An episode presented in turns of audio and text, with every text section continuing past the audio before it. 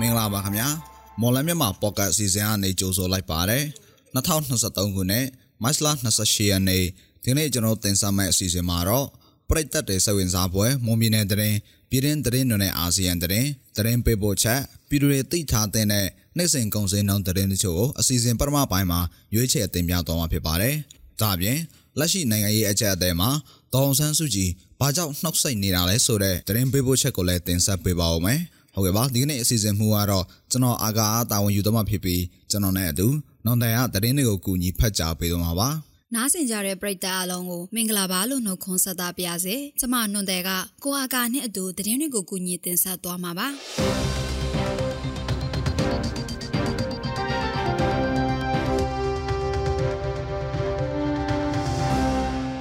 ပရမအုပ်ဆုံးတရင်ဘောအနေနဲ့ တိုက်ထိုမျိုးနဲ့မယန်းချောင်းကြေးရွာကမယန်းချောင်းစစ်စီရေးဂိတ်ကိုကရင်နဲ့ပြည်သူ့ကာကွယ်ရေးပူးပေါင်းတပ်ဖွဲ့တို့ကဒရုန်းနဲ့တိုက်ခိုက်ခဲ့တယ်လို့သိရပါဗျ။မနေ့ကမွန်လွယ်12နာရီ45မိနစ်အချိန်ခန့်ကမယန်းချောင်းစစ်စီရေးဂိတ်ကိုတိုက်ထိုပြည်သူ့ကာကွယ်ရေးတပ်ဖွဲ့ TPDF နဲ့ KNLA PDF ပူးပေါင်းတပ်ဖွဲ့တို့ကဒရုန်းနဲ့ဘုံကျဲတိုက်ခိုက်ခဲ့တာပါ။ဒရုန်းနဲ့ဘုံကျဲချခဲ့လို့မယန်းချောင်းစစ်စီရေးဂိတ်အမှတ်3တနေရာမှာတလုံးမူရင်တပ်ဖွဲ့အိမ်ဆောင်မှာတလုံးဂိမ်းမှတ်တဲ့အနီးမှာ လေးလုံးစုစုပေါင်း6လုံးကြာရောက်ပောက်ခွဲခဲ့တာလို့ကြိုက်ထိုပြည်သူ့ကာကွယ်ရေးတပ်ဖွဲ့ TPDF ကထုတ်ပြန်လာပါတယ်။ပောက်ကွဲခဲ့လို့ဂိတ်တာဝန်ကျရဲ3ဦးသေဆုံးပြီး2ဦးထိခိုက်ဒဏ်ရာရရှိခဲ့တယ်လို့ကြိုက်ထိုပြည်သူ့ကာကွယ်ရေးတပ် TPDF ကထုတ်ပြန်လာပါတယ်။မနေ့ကညနေ9:00နာရီအချိန်ခန့်မှာကြိုက်ထိုမြို့နယ်လက်ပံပင်တုတ်တံမှာစခန်းချလာတဲ့စစ်ကောင်စီတပ်ဖွဲ့ကိုလည်း KNA PDF TPDF ပူးပေါင်းတပ်ဖွဲ့တို့က ဒရုန်းနဲ့အထက်မှန်တိုက်ခိုက်ခဲ့ပြီးစစ်ကောင်စီအဖွဲ့ဘက်က9ဦးထပ်မံထိခိုက်မှုရှိခဲ့တယ်လို့လည်းဆိုပါတယ်ခင်ဗျာ။ မွန်ပြည်နယ်ထွက်စောင်းသီးနယ်များဖြစ်ကြတဲ့ပဲဒီစိန်ရွှေဝါတဲ့ပဲဒီစိန်မက်ပဲတဲ့ပဲလွန်ဖြူပဲပုတ်နဲ့ပြောင်းတို့ဈေးကောင်းရနေတယ်လို့နှမ်းဆိုင်တောင်သူတွေကဆိုပါတယ်လက်ရှိပဲဒီစိန်သတင်းကို9000ခွဲချက်မြေပဲပိတ်တာ20ဝင်းသတင်းကို13000ကျပ်ဝန်းကျင်ဈေးရနေတာဖြစ်ပါတယ်အခုနှစ်စောင်းသီးနယ်တွေဖြစ်တဲ့ပဲနဲ့မြေပဲတွေကိုမွန်ပြည်နယ်ဘီလင်းမြို့နယ်မှာအများအပြားစိုက်ပျိုးခဲ့ကြပြီးတထုံမြို့နယ်၊စိုက်ထုံမြို့နယ်နဲ့ပေါင်မြို့နယ်တို့မှာလည်းစိုက်ပျိုးမှုရှိခဲ့ပါတယ် ပြောင်းဆန်ကိုလည်းစိုက်ပျိုးကြသူတွေရှိနေပြီးပြောင်းဆန်လည်းဈေးကွက်မှာဈေးကောင်းရနေတာအခုနှစ်ဆောင်းသီးနှံစိုက်ပျိုးကြတဲ့တောင်သူတွေအနေနဲ့အထွက်နှုံကောင်းမွန်နေတယ်လို့တွက်ချေကြကြမယ်လို့ဆိုပါတယ်။မွန်ပြည်နယ်အတွင်းဆောင်းသီးနှံတွေကိုမော်လမြိုင်၊ချောင်းစုံ၊ကြိုက်မယောမူတော်အဆရှိသောမြို့နယ်တို့မှာလည်းစိုက်ပျိုးကြတယ်လို့သိရပါတယ်ရှင်။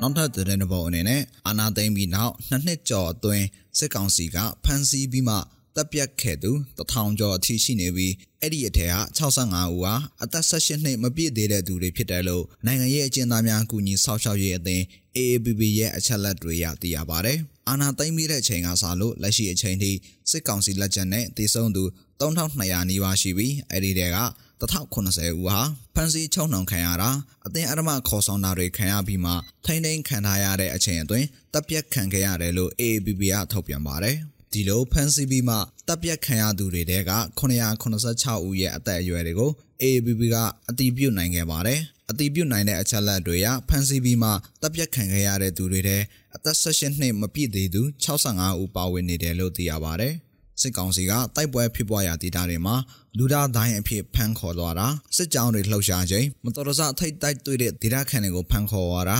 အာနာသိမ့်မှုခုခံတော်လှန်တဲ့လှုပ်ရှားမှုတွေမှာပါဝင်ပတ်သက်နေတဲ့ဆိုတဲ့ဆွဆွဲချက်တွေနဲ့ဖမ်းဆီးသွားတာတွေလောက်ခဲ့ပြီးနောက်လူတစ်ထောင်ကျော်တပ်ဖြတ်ခဲ့တာပါခင်ဗျာ။ နောက်ထပ်သတင်းသဘောအနေနဲ့ထိုင်းနိုင်ငံနဲ့နယ်စပ်ထိစပ်တဲ့ကရင်ပြည်နယ်ဖားပုံခရိုင်တန်လွင်ကန်ရှိတပ်တန်အရှိဆုံးစခန်းတစ်ခုဖြစ်တဲ့မဲခထာစစ်ကောင်စီတပ်စခန်းကို KNLA တပ်ဖွဲ့ကဒီနေ့မနက်မှာတိုက်ခိုက်သိမ်းပိုက်လိုက်ပြီးလို့နေချားဆောက်ထိုင်းစစ်သားနဲ့ဒေတာခန့်အချို့ကပြောပါတယ်စစ်ကောင်စီတပ်စခန်းကို KNLA တပ်သိမ်းနိုင်ခဲ့တယ်လို့နေဆက်ရှိထိုင်းစစ်သားတွေကလည်းပြောပါတယ်ဒီနေ့မနက်မှာလက်နက်ကြီးလက်နက်ငယ်ပစ်ခတ်တန်းကြောင့်တန်လွင်မြစ်ကန်နဘေကဒေတာခန့်အချို့လည်းပြေးရကြတယ်လို့ဆိုပါတယ် မနက်6နာရီလောက်မှာလက်နက်ကြီးလက်နက်ငယ်အတံပါကြားနေရတဲ့အတွက်ဤသူထာစစ်ဘေးရှောင်စခန်းမှာကရင်ဒေသခံချို့ထွက်ပြေးတိမ်းရှောင်နေရတယ်လို့ဒေသခံထံမှသိရပါဗျ။လက်နက်ကြီးတန်းဟာတန်လွင်ကန်နာရှိတောလဲထားရွာကဒေသခံတွေလည်းကြားရတယ်လို့နောက်ထပ်ဒေသခံတဦးကပြောပါတယ်ရှင်။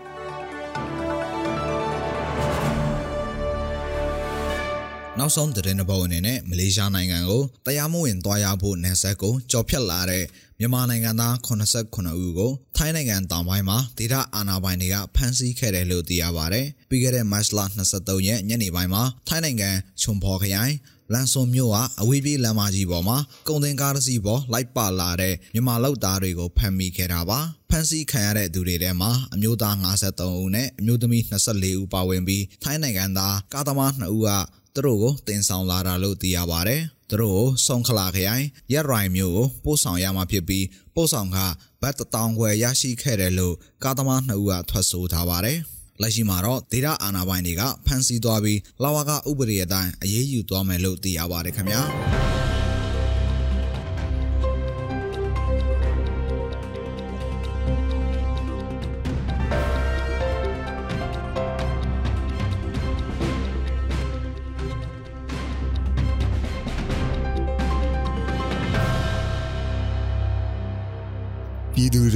တွေတိထားတဲ့နှစ်စဉ်ကောင်စီနောက်တဲ့အချို့ကိုမော်လမြိုင်ကောင်စီတိုင်းကအချက်လက်တွေကိုအခြေခံပြီးကျွန်တော်ပီဇာကတင်ဆက်ပေးပါအောင်မယ်ဒီကနေ့ထိုင်းနဲ့မြန်မာငွေလဲနှောင်းကတော့ထိုင်းဘတ်82တသမ6ခွန်ဝဲဆယ်ရှိပြီးတော့ရောင်စေက84တသမ2လေရှိနေပါတယ်ဒေါ်လာစေကတော့အမေရိကန်ဒေါ်လာကိုမြန်မာငွေ2860ရှိပြီးရန်စေကတော့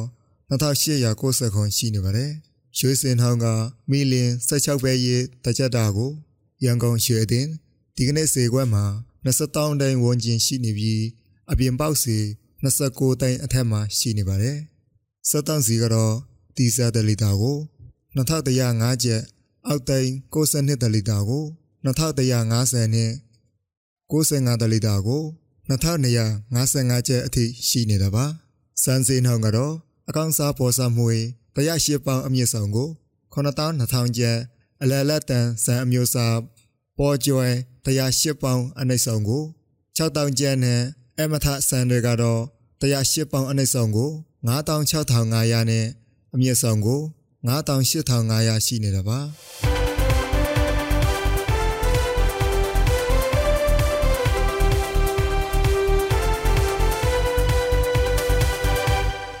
အခုတင်ဆက်ပေးသွားခဲ့တာကမတ်လ28ရက်နေ့မှာဖြစ်ပျက်ခဲ့တဲ့မွန်ပြည်နယ်တရင်ပြည်တွင်းတရင်နဲ့အာဆီယံတရင်တွေအပြင်တနေ့တာစီစိန်ငွေစိမ်းနဲ့ကုန်စိမ်းနှုန်းတွေကိုတင်ဆက်ပေးသွားတာဖြစ်ပါတယ်။ဆက်လက်ပြီးတော့လက်ရှိနိုင်ငံရေးအကြအသဲမှာဒေါအောင်ဆန်းစုကြည်ဘာကြောင့်နှုတ်ဆက်နေရလဲဆိုတဲ့သတင်းပေးပို့ချက်ကိုနဒီယာတင်ဆက်ပေးပါဦးမယ်။လက်ရှိနိုင်ငံရေးအကြအသဲမှာဒေါအောင်ဆန်းစုကြည်အနေနဲ့သူ့ရဲ့သဘောထားကိုသဆုံတရား ထောက်ဖော်ပြောသေးပေမဲ့ဘာကြောင့်နှုတ်ဆက်နေရတယ်လဲဆိုတာနိုင်ငံရေးအတိုင်းဝိုင်းစာတုံသက်ဆွေးနွေးနေကြပါတယ်မြန်မာနိုင်ငံမှာဖြစ်ပေါ်နေတဲ့နိုင်ငံရေးအကြက်တဲနဲ့ပတ်သက်ပြီးတော့ဒေါ်အောင်ဆန်းစုကြည်ကသူ့ရဲ့သဘောထားကိုထောက်ဖော်ပြောဆိုလာရင်အကြက်တဲချို့ပြေရော့နိုင်ဖွယ်ရှိတယ်လို့မြန်မာနိုင်ငံရဲ့အတိုင်းဝိုင်းကြားမှာမှတ်ယူနေကြပါတယ်။ဒေါ်အောင်ဆန်းစုကြည်အနေနဲ့ရှုပ်ထွေးနေတဲ့နိုင်ငံရေးအပေါ်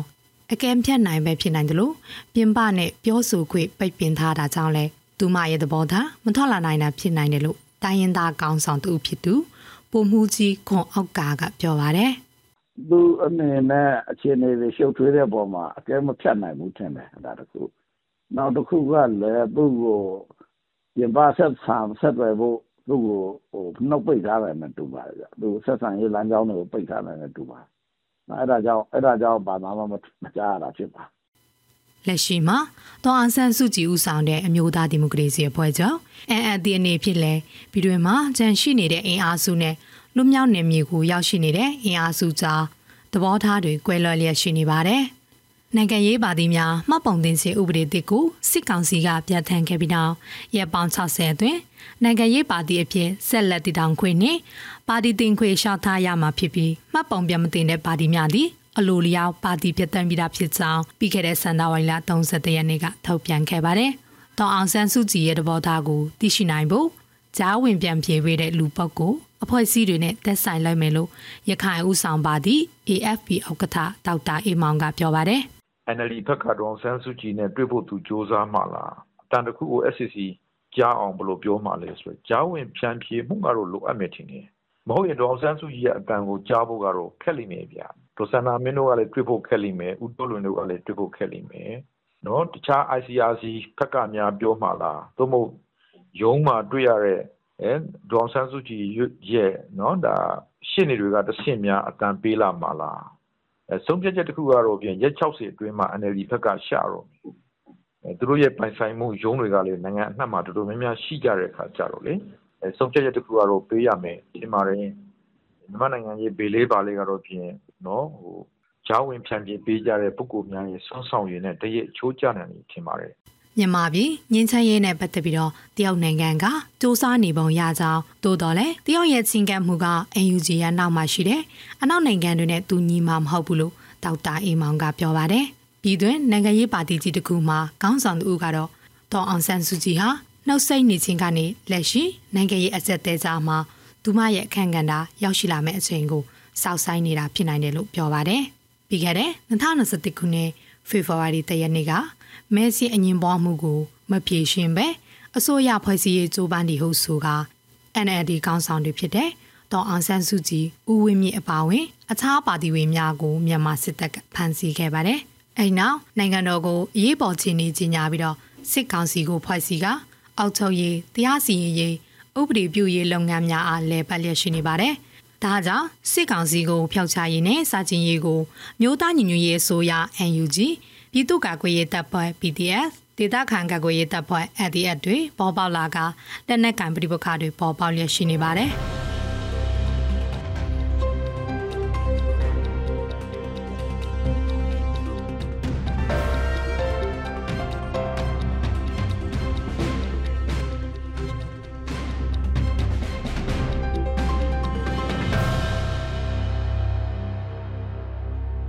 တို့ရဲ့မွန်လန်းမြမာဖော့ကတ်အစီအစဉ်ဒီမှာတင်ပြီးဆုံးပါပြီ။နားဆင်ကြတဲ့ပရိသတ်အားလုံးကိုနောက်နေ့အစီအစဉ်တွေမှာဆက်လက်အားပေးကြပါအောင်လို့ဖိတ်ခေါ်ရင်းဒီအစီအစဉ်ကိုဒီမှာပဲအဆုံးသတ်ပါရစေ။အားလုံးကိုကျေးဇူးတင်ပါတယ်ရှင်။